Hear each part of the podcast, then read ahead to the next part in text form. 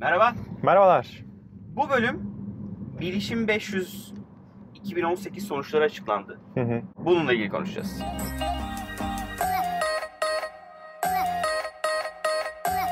Okey. Önce sormak istiyorum. Bilişim 500 nedir?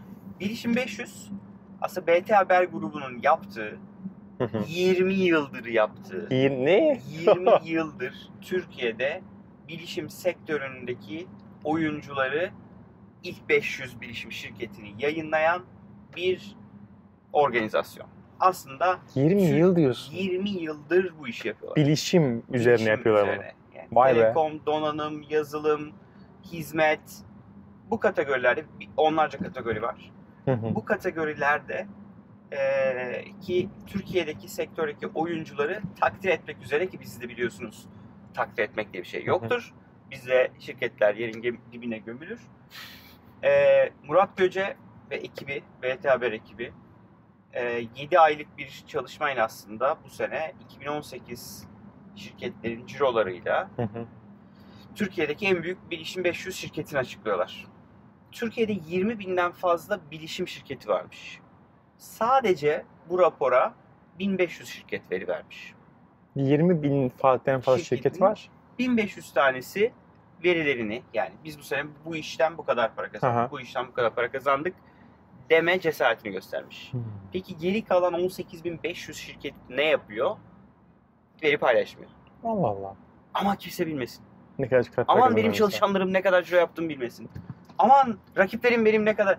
Ya bu kadar anlamsız bir şey olamaz. Yani ölçemediğimiz, bilemediğimiz, göremediğimiz bir şey üzerine politikacıların, siyasetçilerin, kamu görevlilerinin, sektörün hareket etmesi mümkün değil.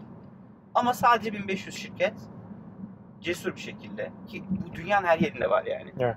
Bizde sadece 1500 şirket tenezzül etmiş. Bu arada kazanan tüm şirketleri kutluyorum. Ee, yanılmıyorsam 88 kategoride ödül verildi. 88, 88 kategori. kategoride birinciler seçildi. Vay be. Donanım kategorileri var, yazılım kategorileri var. Ee, yabancı üreticinin Türkiye'deki distribütörleri var. Hı hı. Ama önce şeyle başlamak istiyorum. Çok çarpıcı bir istatistikle başlamak istiyorum. Türkiye bilişim sektöründe muhteşem bir pazar. Ne demek Hı. istiyorum? Yani herkes gelip bize mal satıyor. Biz Tamam. ise hiçbir şey satamıyoruz. Yani dünyadaki bütün büyük yazılım şirketleri, büyük küçük yazılım şirketleri Evet. geliyor. Türkiye'de bir distribütörle anlaşıyor ya da kendi operasyon kuruyor ve bize malını satıyor. Evet. Türkiye'de üretilip Türkiye'de satılan yazılım, donanımın toplam Türkiye bilişim sektörü içerisindeki payını tahmin eder misin? Yani yabancının malını gelip Türkiye'de satmak, Eyvah yabancının ya. malını Şu an gelip kurmak, yabancının malını gelip entegre Ya şey etmek düşünüyorum. Versus Ne kullanıyorum? Türkiye'de. Türk malı ne kullanıyorum? Bir şey kullanmıyorum şu an. Ya. Ya şu an üzerimde hiçbir şey Bir Türkiye'de üretilen bilmiyorum abi yüzde yani 5'in altında. 3. Yani düşünün Türkiye'de milyarlarca liralık mal satılıyor. Evet ve bu sadece Ve bunun sadece yüzde üçü Türkiye'de üretiliyor. Türkiye'de üretiliyor ve Türkiye'de kullanılıyor. O zaman biz teknoloji alanında ciddi bir Teknoloji alanında ithalatçıyız. tam bir tüketiciyiz. Hiçbir şey üretmiyoruz. Herkesin malını alıyoruz. O yüzden de dünyada bizim coğrafyada işte yanılmıyorsam Hindistan'dan sonra ikinci büyük pazarız. Tüketici anlamında mı? Tüketmek anlamında. Hindistan'da mı? Şey. Hindistan'dan sonra dünyada IT yani GDP versus yani ülkenin e, gelirine karşı en büyük dış açığın olduğu sektörüz. Hadi be. Yani IT sektörü Türkiye ekonomisine en fazla zarar veren sektör. Nasıl abi? Çarpıcılık.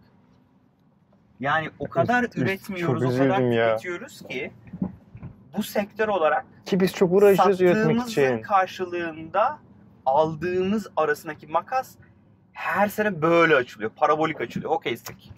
Yani üretmemiz güdük. Güdük yani. Ve dışarıya mal satmak için bu da ayrıca çarpıcı ve utanç verici bir başka rakam. Türkiye'den yurt dışına 100 liralık IT yazılımı, donanımı, hizmeti satmak için Hı. devlet 53 lira teşvik vermiş abi. Yurt dışına satmamız için. Yani şöyle söylüyorum. Diyelim ki Foriba'yı ele alalım. Evet. Foriba yurt dışına 100 lira ihracat yapan bir şirket olsun. Yazılım Okey. ihracatı yapan. Foriba gibi şirketlere verilen toplam teşvik 53 lira. Yani her 100 liralık mal satmak için 53 lira devletten yardım almış bu sektör. Yani o kadar Ona rağmen. başarısız, o kadar kötü bir teşvik politikamız var ki demek ki bu paraları gerçekten doğru bir stratejiyle vermemişiz ki dünyada böyle bir oran yok. 53 veren. Dünyada böyle bir oran yok. Değil mi? 53 Evet. oranı diyorsun. Yani ciddi bir teşvik veriliyor Ciddi ama bir teşvik veriliyor. ama şey yok. Çıkan sonuç çöp. yani bu kadar yanlış yerlere demek ki paralar verilmiş. Bu kadar etkisi olmayan şekilde bu teşvik paraları dağıtılmış ki dünyada ihraç ettiği teknoloji karşısında devletten alınan teşvik oranı bu noktada yanılmıyorsam ya birinciyiz ya ikinciyiz orada da. Her işi ne kadar kötü yaptığınızın böyle gözüme sokulduğu bir etkinlik oldu. Çok teşekkür ediyorum yani. Gerçekten eyvah ne eyvah. kadar başarısızız. Devam edeyim mi? Yok Dur dur Sanki birkaç daha karardı ya. Dur dur içim karar ama kararacak kararması lazım. Birilerinin bunları söylemesi lazım. Ee, ya e, ekonomi Cumhurbaşkanlığı Ekonomi Strateji Kurulu üyesi. Ee, çok özür diliyorum adını yazacağım. Ee, bir, bir, dok, bir profesör, doktor e, konuştu. Yani kamuda görevli. Daha önce özel sektörde çalışmış.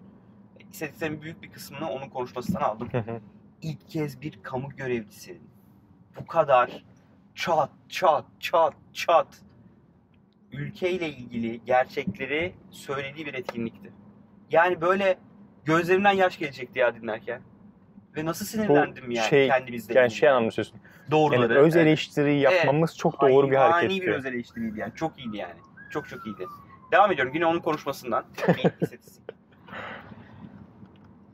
Ee, çok az sayıda yazılımcımız, bilgisayar mühendisimiz, elektronik mühendisimiz var. Çok az nüfusa oranla. İnanılmaz az. Yani orada böyle diplerdeyiz. Oranlamada. Aynı zamanda da Hı. mühendisimize, yazılım mühendisine, bilgisayar mühendisine kime dersen maaş olarak Eyvah. en az parayı da biz veriyoruz. Yani zaten elimizde adam yok. Evet. Olan adamlarda 3 kuruşa çalıştırıyoruz. Sonra da niye yurt dışına çıkıyorlar? Yani sonra niye yurt dışına çıkıyorlar, sonra niye kaliteli bir şey çıkaramıyoruz? Tabii bunun alttaki sebeplere girelim. Biz o kadar kötü bir eğitim sistemine sahibiz ki, Ya zaten o bak o konuda ben de şeyim ya. matematik öğretemiyoruz ki, nasıl böyle bir eğitim sisteminin içerisinden yazılım mühendisi çıkarabilirsin, bilgisayar mühendisi çıkarabilirsin ve çıkan bir avuç insana da 3 kuruş para verip sefil edersin sektör olarak. Bu arada bu teknoloji firmalarının tek başına suçu değil. Bu müşterinin de suçu. Bu kamunun da suçu. Yani düşünsene sen kamu olarak yerli üreten yerli firmalara şans vermezsen. Ki Türkiye'de Evet. şey var, bir kanun var biliyor musun? Ne kanun? e, yerli malı ya da Türk malı gibi bir sertifika alıyorsun kamudan. Kamu ihalelerinde %15 fiyat avantajı diyor devlet sana. Yani ne demek? İşte atıyorum SAP ile Anladım, logo anladım. yarışıyor. Anladım.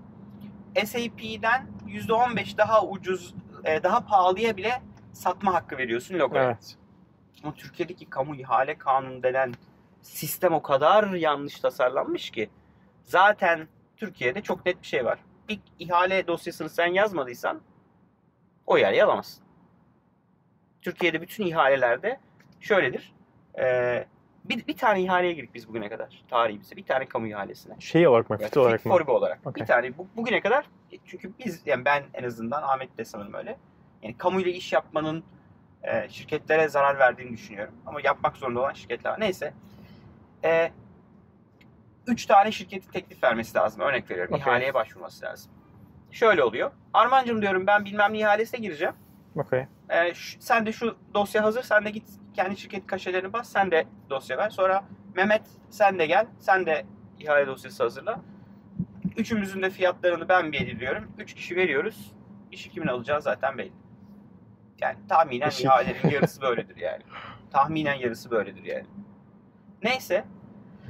Böyle bir sistem varken yani alırken öldürerek almak. E, startupların yaşadığı aynı şey değil mi? Bugün bir kurumsal firmaya gidiyor. Adam Tabii diyor ki canım. sen diyor bana bedavaya ver ya diyor. Ben reklamını yapacağım senin. Evet. Ulan kimin reklamını Ve yapmışsın abi bugüne reklam- kadar ki sen? Reklam yapmıyor ki. Ya bırak sen kimin reklamını yapmışsın? Kime referans olmuşsun? Hangi aldığın şirketi için gidip müşterine e, onun sana getirdiği müşteriye referans vermişsin, ziyaret Yok yapmışsın, şey. videosuna çıkmışsın, e, duyurmuşsun. Adama ver bedava adam bir de hayatını bulamazsın. Ama sorsan biz Türkiye'nin en çok startup destekleyen bıdı bıdı bıdı bıdı şirketiyiz. 3 kuruş çıkarıp cebinden para verdin mi? Satın alırken boğazına basıp 3 kuruşa anlaştın mı? Evet. Sonra gittin bir de parasını 6 ay geç ödedin mi? Evet. Sen ellerinle Türkiye'deki yerli teknoloji şirketlerini öldüren adam sensin. Ve sonra böyle ölü bir ölü doğmuş bir sektörün içerisindeki şirketlere gidip diyorsun ki Türkiye başarısız. E tabii ki başarısız. Biz kendi şirketlerimizi korumaz, kollamazsak kimse de gelip bizim şirketlerimizi kollamaz. Yani büyük Çünkü neden? Eğer gidip bilmem nenin ürününü alırsan sen yurt dışına seyahate Evet. gidebilirsin. Eğer sen bilmem kimin ürününü alırsan oradan ödül alırsın. Ve kendini bilmem neye para vermiş bir adam olarak ödüllendirilmiş. Patrona gider şey dersin. Bu sene yılın bıdı bıdı e, ERP bilmem ne dönüşüm ödülü biz kazandık. Ve bize e, Orlando'da ödül verdiler. Bizi San Francisco'ya götürdüler ve orada dünya aslında bir düdük yok lan. Sen zaten çıkarmışsın cebinden milyonlarca dolar para vermişsin. e, bırak da seni dünyanın bir köşesine götürüp ödül versinler yani. Böyle bir sıkıntı var. Biz yerli şirketleri gömdükçe değişmesi e, gerekiyor yani. değişmez. Çünkü Değişmesi sen gerekiyor. almazsan, ben almazsam, başkası almazsa bu adamın yurt dışına çıkıp ihracat yapmasını bekliyor olmak kadar geri zekalıca bir şey olamaz yani. O yüzden herkes elini taşın altına koymak zorunda. Müşteri de, Kesinlikle. yazılımcı da, Bu girişimci bilinci de. arttırmak lazım. kamuda, Türkiye'de bir yani şekilde. Ben şuna hep karşıyım zaten. Kamu bir şey yapmalı. Hayır abi. Kamu bir şey yapmamalı. Bıraksın. Özel sektöre engel olmasın. Özel sektörün önünü açacak, engelleyecek hamlelerden geri dursun. Yeter. Başka bir şey yapmaya gerek yok. Yani kamunun girip de oyuncu olmasın abi. Kamu gidip e-taksi yapmasın abi. Bence. Kamu gidip e, Türkiye'de e, paylaşımlı araç sistemini engellemesin abi. Kamu gidip Figo'nun iş yapmasına engel koymasın. Foriba'nın e-fatura yapmasına engel koymasın. Önünü açacak hamleler yapsın ki Türkiye'de bu işler büyüsün ve bu şirketler bizim yaptığımız gibi bugün 10 tane ülkeye ihracat yapan hale gelebilsin. Kamunun yapması gereken oyuncu değil aslında insanların, şirketlerin Türkiye'deki, önünü Türkiye'deki, açıcı bir hale gelsin. Türkiye'deki şirketlerin önünü açmak. Başka hiçbir şey yap yani önünü açmaktan kastım da girip dediğim gibi ille de bir şey yapması gerekiyor. Karışmasın yeter ya. Karışmasın yeter. Bıraksın Veya en, az, insanlar en, azından, iş yapmasına izin versin. en azından yani. şey çıkartsın abi. En azından regülasyon mesela çıkartsın. ya desin mesela ki, bence Bak abicim regülasyonu açtım. Blockchain. Ha. Sana para. yapamazsın. Yap. Yap şu an ya. Daha Biz öncü olalım. Yap. daha enteresan bir şey söyleyeyim. E, mesela bence şöyle bir hamle Türkiye'de yazılım sektörünün önünü açar. E, çok iyi biliyoruz. Türk firmalar Hı. paralarını 3 ay, 6 ay, 10 ay sonra ödüyorlar. Yani bugün alıyor senden bir şey. Atıyorum 100 bin liralık bir şey aldım ben senden. Diyorum ki Armancığım bizde vadeler yalnız 60 gün diyorum. 90 günde ödüyorum. Arman gidiyor. Bana kestiği 100 bin lira için 18 bin lira KDV ödüyor mu? Cart diyor Tabii canım. Ona kaçarın yok. O ay personel maaşını ödedi mi? Bir sonraki ay ödedi mi? Bir sonraki 3 ayda maaş ödettim sana. Bak hala daha 5 kuruş para vermedim. Yazılımını aldım. Ürününü kullanıyorum. KDV'yi ödettim. Bir de Stopaj üzerine ödüyorsun. Stopajı şeyi gelir vergisi Her şey çıktı. ödüyorsun. gelir vergisi de ödüyorsun. Fatura kestiğin için. Abi sen zaten 100 bin lirayı gömdü bu herif sen verene kadar. Tabii canım bitti Adam orası. zaten 4 ay sonra sen paranı ödemediğin için battı. Aha.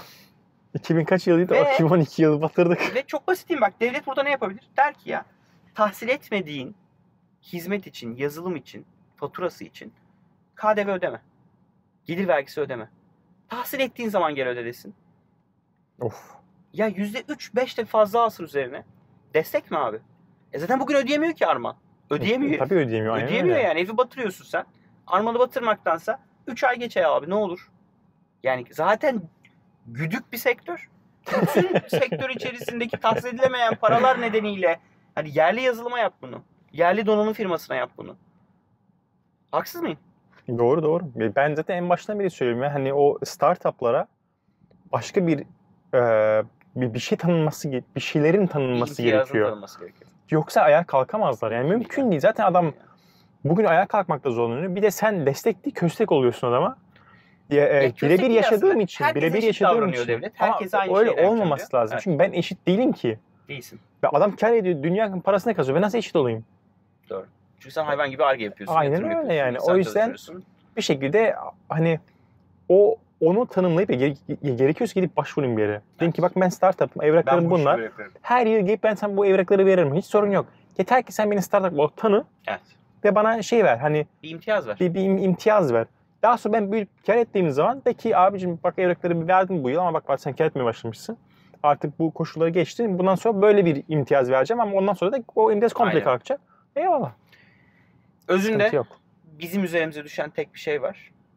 Çalışmak zorundayız.